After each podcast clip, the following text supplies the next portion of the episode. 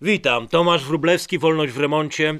Koronawirus obnażył słabości zachodniego modelu gospodarczo-społecznego. Pytanie, czy na tyle skutecznie, żeby wepchnąć nas teraz na trajektorię ku nowemu porządkowi rzeczy.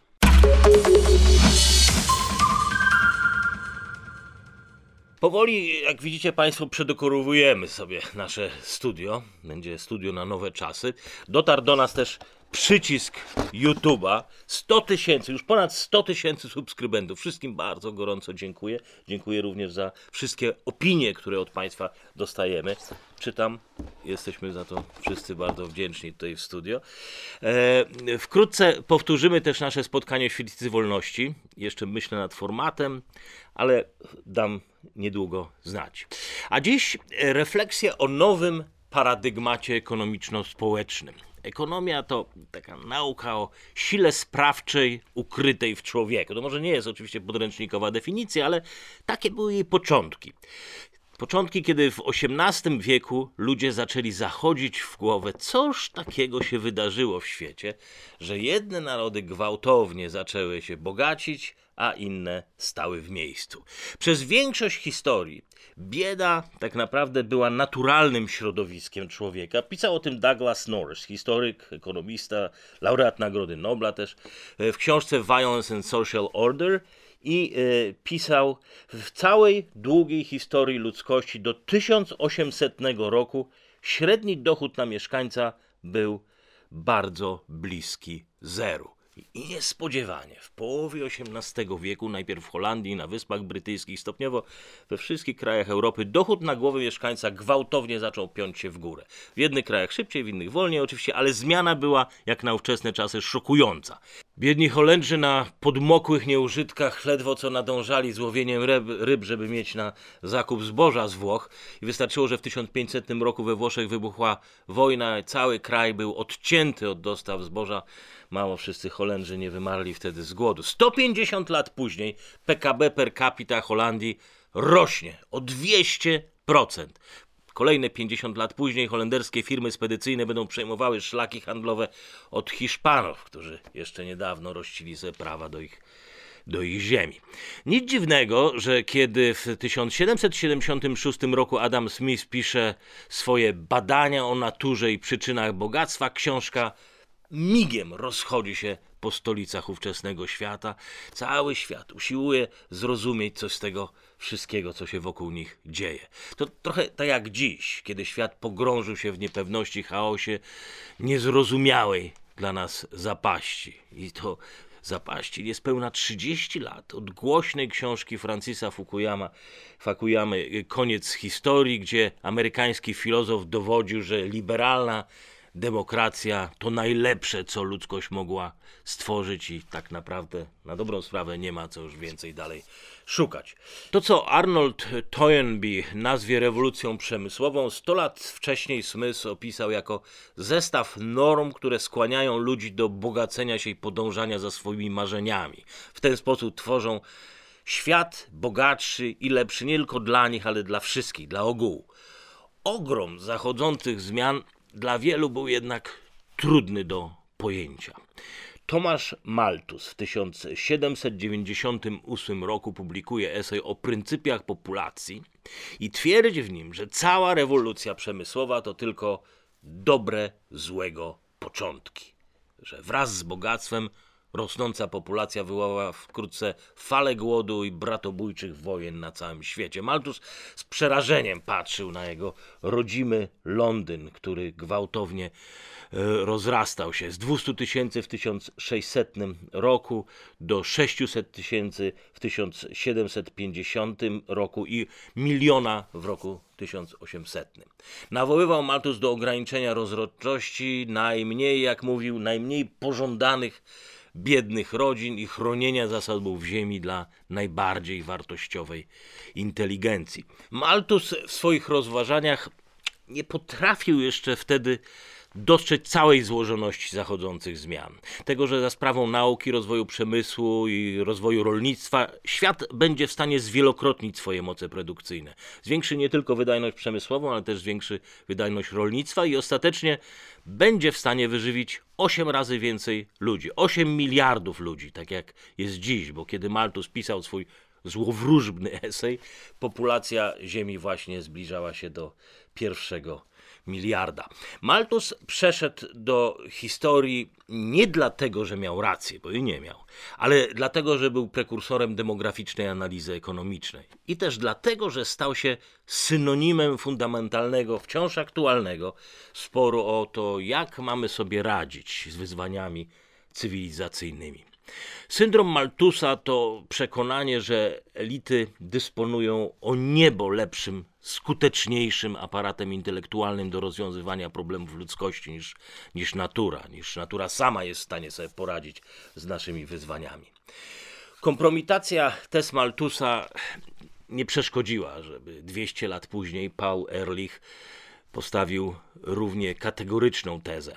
W książce Bomba populacyjna Ehrlich w 1968 roku przepowiadał zagładę, plagi głodu, brak wody na planecie. Intelektualiści zebrani wokół elitarnego klubu rzymskiego wydali wtedy raport Granice wzrostu, powtarzające tezy Ehrlicha i postulujący politykę redukowania przyrostu naturalnego.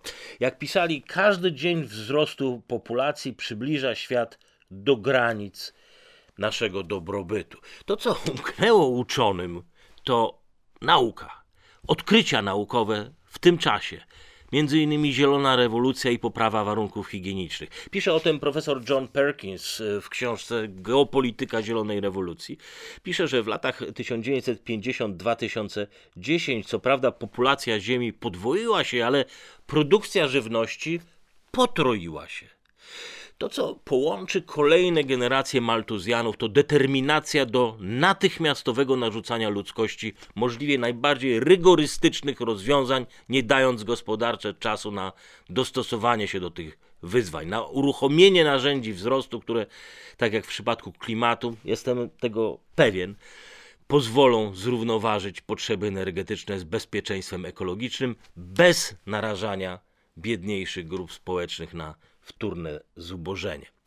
Zwolennicy gwałtownej deskalacji produkcji przemysłowej, e, zwolennicy redukcji zużycia kopalnych zasobów, tu, teraz, natychmiast, wygodnie pomijają fakt, że wzrost zużycia energii i w konsekwencji wzrost zanieczyszczenia to pochodna globalizującego się dobrobytu. W ciągu zaledwie 40 lat pokonaliśmy głód w Indiach, Chinach, prawie w całej Afryce. Tam, gdzie nie toczą się dziś jakieś działania wojenne, czy rewolucje, a rządy nie sprawują fanatyczni dyktatorzy, tam już głodu nie ma. Nowe technologie odnawialnej energii, czy technologie składowania energii, z czasem pozwolą na wypracowanie względnej równowagi między emisją a wzrostem dobrobytu. Natomiast te natychmiastowe wygaszanie przemysłu, represje gospodarcze wobec emitentów, to pomysł równie szalony, co przymusowa sterylizacja w Indiach, czy polityka jednego dziecka w Chinach, za którą e, Azja płaci dziś nienaturalną przewagą męskiej populacji, w konsekwencji e, niespodziewanie agresywną polityką Chin. Od XVIII wieku istotą badań ekonomicznych jest szukanie sposobów poszerzenia granic ludzkich możliwości, a nie ich ograniczania. Konsekwencje powtórnego zubożenia energetycznego mogą spowodować, że koszty społeczne i koszty ekonomiczne przerosną wszelkie korzyści klimatyczne. W swoich XVIII-wiecznych dziełach Smith nie odpowiedział nam na jedno zasadnicze pytanie. Jeżeli naturalne mechanizmy wzrostu dobrobytu są takie proste, są tak proste do powielenia, to dlaczego nie wszyscy postępujemy tak, żeby być bogatym? Na początku XX wieku pojawia się niemiecki filozof Max Weber i publikuje wiekopomne dzieło Etyka protestancka a duch kapitalizmu. Weber twierdził, że u źródeł kapitalizmu legła etyka i kod postępowania protestantów, w szczególności Kalwinów, którzy z protestanckiej Holandii przepłynęli do Anglii, potem dalej do Bostonu na pokładzie Mayflower. I tak powstała pierwsza w Stanach Zjednoczonych kolonia, jeszcze wtedy Ameryce, kolonia purytanów, dla których praca, jak u Jana Kalwina, była najlepszym sposobem, w jakim możemy odpłacić się Bogu za jego dar stworzenia. Przeznaczeni do pracy i tworzenia miejsc pracy. Credo kapitalistycznej moralności, która podbiła świat i uczyniła go bogatszym, lepszym miejscem do życia. W tej dynamice przemian i wolnorynkowego postępu ekonomiści dość wcześnie zaczęli dostrzegać ukryte pułapki. Wśród nich David Hume, który w 1775 roku w dialogu na temat natury religii pisał, że niezależnie od tych wszystkich przymiotów, wszystkich korzyści, które płyną z systemu otwierającego przed człowiekiem nowe, niezmierzone możliwości, to powinniśmy pamiętać również, e, że jeśli ogólny system rzeczy i ludzkie społeczeństwo przechodzą stopniowe rewolucje zbyt wolno, to pojawi się pokusa szukania drogi na skróty przez radykalniejsze rozwiązania. Druga połowa XIX wieku to okres fascynującego rozkwitu gospodarczego, nowych wynalazków, ale też rosnące poczucie niedosytu. Polityka po prostu nie nadąża za przemianami społeczno-ekonomicznymi. Budząca się świadomość narodowa domaga się nowych, demokratycznych form rządzenia, z kolei armie dryfujących do miast chłopów, w większości pozbawionych jeszcze identyfikacji narodowej, szukają własnej identyfikacji, eksplorują najróżniejsze filozoficzne koncepty anarchistów, socjalistów, którzy oferują im konkurencyjną y, wizję świata. Szczególnie silnie było to widoczne w świeżo zjednoczonych Niemczech. Y, nie przypadkiem, swoją drogą kolekcję totalitaryzmów. Karol Marx wprowadzał dla nich do debaty publicznej nowe hasło, nowe pojęcie determinizm klasowy, identyfikacja grupowa jako wartość ponad indywidualnymi przymiotami człowieka. Marx, y, kolejny maltuzjanin, wieści krwawą rewolucję i obalenie naturalnego ładu społecznego. Widzi, że tylko rewolucja może zapewnić światu sprawiedliwość. Nie można czekać. Nie można pozwolić naturze, żeby kapitalizm sam się przeobrażał. To, czego Marks nie przewidział, to, że lewicowe postulaty XIX-wiecznej lewicy najlepiej zostaną zrealizowane tam, gdzie do rewolucji nigdy nie doszło. A w krajach, gdzie rewolucja się udała, zadomowi się bezprawie, cierpienie i wyzysk. To jak? Czy świat powinien się rozwijać w zgodzie z prawami natury, ewoluować powoli, czy być produktem intelektualnej inżynierii elit? Tu i teraz, natychmiast. Rewolucja, Black Lives Matter, Antifa, gender, zaraz nowy porządek rzeczy. Paradygmaty polityczno-gospodarcze mogą wywierać ogromny wpływ na kształt państw i ich instytucji. Ostatnie 100 lat to dwa główne załamania i przejścia od jednego paradygmatu polityczno-ekonomicznego do drugiego. Pierwszy to lata po Wielkiej Depresji 1929 roku, która no, ostatecznie zamknęła okres leseferyzmu, wolności rynkowych, które panowały na świecie od czasów rewolucji przemysłowej. I wielki kryzys, a po nim druga wojna światowa, to sukces historycznego interwencjonizmu państw. Ogromne nakłady na odbudowę, najpierw z recesji, potem ze zniszczeń wojennych. Wszystko to stworzyło trwały system uzależnień gospodarki i firm od państwa. Keynesowska doktryna regulowała niemal każdy aspekt życia. Za pomocą interwencji monetarnych y, stymulowano rozwój i jak zapewniano, miały one gwarantować wzrost dobrobytu. I gwarantowały do czasu. Lata 80. przyniosły nowy, neoliberalny paradygmat, często utożsamiany z rządami Thatcher, Ronalda Reagana. I to jest okres faktycznie największego rozkwitu gospodarczego od czasów rewolucji przemysłowej. Pomiędzy pierwszym a drugim paradygmatem były jeszcze lata 70. To rządy, które miotają się między dawno skompromitowanymi różnymi narzędziami interwencjonizmu i dalej nie dają sobie mimo to rady ani z zawrotną inflacją, ani z kryzysem paliwowym. Bezkrólewie, tak te lata nazwał Martin Wolf. Żyjemy w okresie, który wydaje się być bezkrólewiem. I ta epoka, w której żyjemy, epoka zapoczątkowana kryzysem 2008 roku, to tak naprawdę nowe bezkrólewie.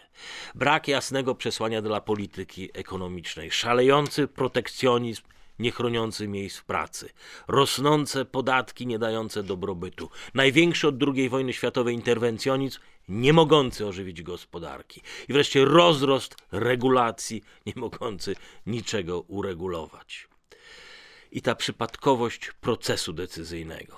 Tak o nim piszą Eric Longeran i Mark Bliss w Angry Economics. Gospodarka wściekłości, w dużej mierze będąca wypadkową sił bezmyślności ostatniej epoki. Jak piszą, koniec historii to pojawienie się demotywującej, powierzchownej polityki, w której technokraci po lewej, ideologie, po, ideologowie po prawej myśleli, że wiedzą, co jest najlepsze dla ludzi.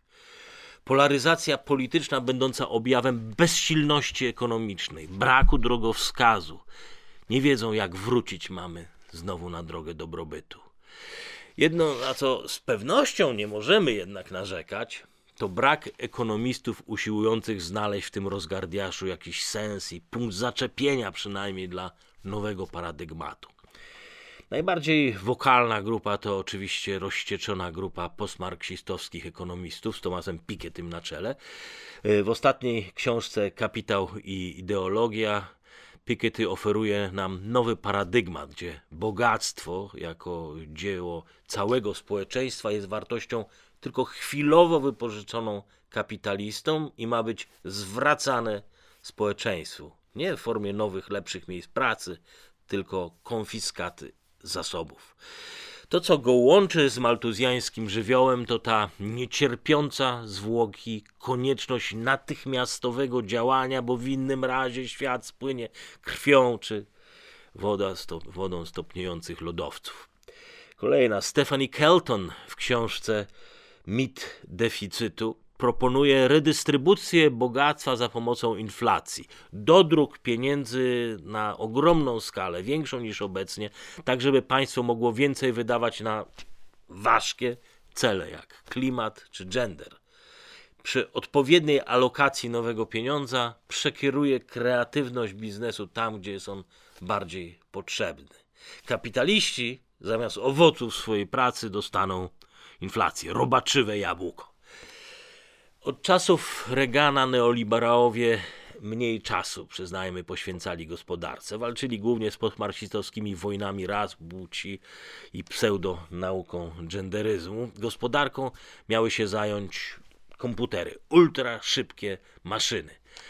W 2007 roku Wall Street Journal pisał: Nie panikuj, systemy komputerowego dostosowywania rynkowej równowagi chronią ciebie, chronią cały świat przed recesjami. Po co zajmować się historią, demografią, socjologią, skoro możemy włączyć twarde dane akumulacji kapitału, płacy, pracy i wszystko wciągnąć do modelu regresji.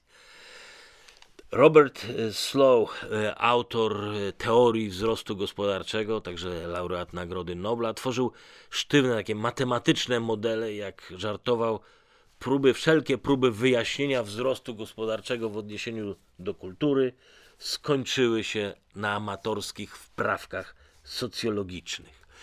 Krach 2008 roku spowodował, że ekonomiści na powrót zaczynają łączyć siły z historykami, etnografami, geografami, ba nawet z literaturoznawcami, byle cokolwiek zrozumieć z tego, co się wokół nich dzieje. E, aktualna zaczyna być e, praca Roberta Putnama, książka Making Democracy Work. Putnam powraca do rozważań XVIII-wiecznych ekonomistów, filozofów, którzy zajmowali się naturą ludzkich zachowań w kontekście właśnie wzrostu czy niewzrostu gospodarczego i próbuje też zrozumieć, dlaczego przez wiele dziesięcioleci północne Włochy były bogatsze od południa. Tworzy przy okazji takie nośne dziś już pojęcie kapitału społecznego. Zauważa, że ludzie na południu Włoch od stuleci są bardziej prorodzinni, ale przez to też bardziej nieufni wobec obcych. Z kolei ludzie północy więcej podróżują, więcej czytają, są aktywniejsi politycznie, ekonomicznie i jak twierdzi Putnam, przekłada się to na lepsze relacje handlowe i wyższy dobrobyt. Badania powielokroć później zostały potwierdzone przez innych włoskich uczonych i e, zwracają uwagę na jeszcze jedną prawidłowość. Na awersję postępowych środowisk do silnych, tradycyjnych rodzin. Im bardziej elity postępowe zdają się być zagubione, pozbawione drogi wyjścia z tej zapaści, w której się znaleźli, tym agresywniej atakują, może podświadomie. Atakują wartości, które kojarzą się ze stagnacją. Rodzina, konserwatyzm. Uważają je za zagrożenie dla całego świata. To, co najbardziej nas wszystkich dziś oczywiście ekscytuje, to siły, które ciągną ten nasz postglobalny świat w dół. Co tutaj się stało? Jeżeli zrozumiemy, jakie demony były obecne w naszym świecie, może łatwiej będzie nam przygotować się na skutki tego, co nas czeka w okresie wielkiego chaosu między drugim a trzecim paradygmatem ekonomicznym, który kiedyś nieuchronnie nadejdzie.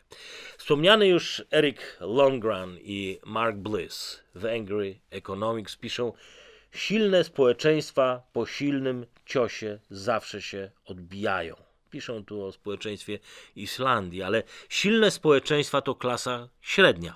Bez niej bez klasy średniej to jest jak jazda samochodem z góry bez paliwa. Toczy się, toczy się, ale nie ma szans, żeby wjechał na wzgórze przed nami. Umierająca klasa średnia to złożony proces. Proces składający się z setek drobnych, często incydentalnych zdarzeń, które razem składają się na trwały proces. Ta wściekłość, angry economics, to już przedostatnie studium końca epoki. To jest domino sypiącej się misternej konstrukcji społeczno-ekonomicznej. Ekspansja gospodarcza ostatnich dwóch, trzech dekad to przede wszystkim efekt wzrostu wydajności produkcji przemysłowej. Można to oczywiście podczytywać jako wielki sukces, ale też jako źródło problemu słabość nauki, brak nowych wynalazków, które dawałyby nowy, silny napęd cywilizacji, medycynie, technologii czy komunikacji. Słowo czy wytrych do naszej epoki to nie jest wynalazek. To nie jest XIX-wieczna maszyna parowa, ale innowacja, usprawnianie tego, co już jest. Martin Sandbu, autor książki Ekonomia Przynależności, pisze, że optymalizacja kosztów, która nie jest poparta nowymi wynalazkami, nowymi siłami rozwoju cywilizacji, nowymi źródłami wpływów, koncentruje się na usprawnianiu, a nie kreowaniu. Na innowacji, która potrzebowała majstrów do zastępowania ludzi tańszymi maszynami. Oczywiście zjawisko zastępowalności znane jest nam z rewolucji przemysłowej, ale tu za maszyną parową nie poszedł silnik spalinowy. Tworzyliśmy coraz więcej nowych, sprawniejszych gadżetów. Wzrost oparty o innowacje to malejące zapotrzebowanie na niewykwalifikowanych pracowników, zamykanie fabryk lub zwalnianie dużej części siły roboczej, które przyczyniało się do upadku lokalnych społeczności i tradycyjnych więzów społecznych. Doskonale opisuje to David Goodhart w książce Droga dokądś. Pisze o ludziach skądeś, taki nowy technokratyczny typ człowieka, który wszędzie może w zasadzie pracować, wszędzie dobrze się czuje, w każdej branży, wszędzie, gdzie potrzeba ponadnarodowych kwalifikacji. Na margines z kolei wyrzucani są wszyscy, których czynności życiowe zależne były od lokalnej, lokalnych relacji od rodziny, od jednego miejsca wytwarzania. Rynki pracy stały się bardziej elastyczne, ale zarobki stały się bardziej niepewne. I to nie sprzyjało stabilizacji, nie sprzyjało zakładaniu rodzin. Dodatkowo poszerzało przestrzeń dla rozmaitych anomalii, samotnych matek, związków czasowych na, zakładanych na czas pracy. I oczywiście nie ma nic złego w byciu singlem czy tworzeniu niestandardowych rodzin. Rzecz raczej jest w ilości tych związków, jaka jest ilość w stosunku do tradycyjnych rodzin. Pytanie, ile też z nich jest świadomym wyborem, a ile wyborem z konieczności. Po prostu odjeżdża im świat. Ile z nich to upadek modelu życia klasy średniej? To samo zresztą dotyczy rosnących nierówności. Co do zasady, różnice majątkowe nie są czymś złym. Zwykle towarzyszą szybkiemu wzrostowi gospodarczemu, mogą działać mobilizująco, pod jednym warunkiem, że dla sporej grupy społecznej nie wyczerpały się inne możliwości wzrostu i rozwoju, że nie pozostaje im tylko żyć na poboczu, czekając aż coś radykalnie się zmieni na rewolucję. To, co obserwujemy na ulicach Ameryki, opinia publiczna nazwała sobie wojną rasową. Nie bierze jednak pod uwagę, że to może jest właśnie ten akt desperacji części społeczeństwa, która była najbardziej zmarginalizowana tchnieniem innowacyjności. To samo zresztą dotyczy młodych ludzi wokół Antify. Niezależnie od odrażającej ideologicznej otoczki, ruch skupił szerokie rzesze wykształconych ludzi bez perspektywy, bez zawodu. Innowacyjne korporacje, opanowując ścieżki maksymalizacji możliwości rynku, opanowują też większość rynków. Brak konkurencji. Zabudowują całą przestrzeń gospodarczą, utrudniając dostęp nowych firm. Tomasz e, Philippon w książce The Great Reversal odwrót od wolnego rynku pokazuje, że źródłem problemu jest brak konkurencyjności, który w efekcie prowadzi do niższych płac, niższych inwestycji, niższej produktywności, niższego wzrostu i większych nierówności. To z kolei pociąga za sobą całe mnóstwo innych zjawisk, które jeszcze kilka lat temu wydawały nam się niemożliwe, bardziej wiązaliśmy je z wielką depresją, która zostawia za sobą mnóstwo zdewastowanych ludzi, rozbitych rodzin, poczucie beznadziei. E, Śmierć rozpaczy to tytuł książki Anne Case i Angusa Ditona, którzy zwracają e, uwagę na szokująco szybko rosnący współczynnik umieralności osób w średnim wieku uważanych za ludzi o wysokim standardzie życia, przynajmniej do niedawna wysokim. Nierówności społeczne, rekreacyjne narkotyki, przepaść w edukacji, nieadekwatny system opieki zdrowotnej powodują gwałtowny wzrost śmiertelności. W Ameryce, Wielkiej Brytanii, jeszcze kilku największych zachodnich gospodarkach. Śmierć z rozpaczy, piszą, jest e, powszechna wśród tych, którzy zostali w tyle, których życie nie potoczyło się tak, jak oczekiwali. A czego my oczekiwaliśmy? Jak znaleźliśmy się w tym miejscu? Daron Akemoglu, James Robinson w książce Wąski Korytarz, wielokrotnie cytowaliśmy już tą książkę w naszych podcastach, przestrzegają, e, żeby ostatnich 30-40 lat nie traktować jako stan naturalny dla człowieka XXI wieku. Pokazują, e, że nasza demokracja rynkowa to bardziej wypadek przy pracy niż naturalny ciąg bieg, bieg dziejów. Wyjątkowy zbieg okoliczności, który wcale nie musi trwać wiecznie. Poruszamy się po bardzo wąskim korytarzu. No właśnie. Czy znaleźliśmy się w przestrzeni niezidentyfikowanej, ani pokój, ani korytarz? I gdzie mielibyśmy teraz szukać odpowiedzi? Coraz więcej ekonomistów zwraca uwagę na upadłe instytucje demokratyczne. Instytucje, które miały kanalizować zarówno proces demokratyczny, jak i strzec tego, co nazwaliśmy sobie kapitalizmem. Konkurencja, kreatywna destrukcja, wolny handel. Zachodnie instytucje po II wojnie światowej tworzone były na lata zimnej wojny. Miały służyć odcięciu wolnego świata od komunizmu, stworzyć wewnętrzną mobilizację wobec zewnętrznego wroga. Żadna z tych instytucji nie sprawdziła się w globalnym nowym otoczeniu. Światowa Organizacja Handlu, sparaliżowana przez wewnętrzne podziały, utraciła zdolność rozstrzygania i nadzorowania międzynarodowych sporów handlowych. WHO agencja zajmująca się zdrowiem, uwikłana w podejrzane relacje polityczno-korupcyjne. ONZ poległ na najpoważniejszym kryzysie humanitarnym. Jego pomysł na zażegnanie katastrofy migracyjnej został storpedowany przez większość państw rozwiniętych.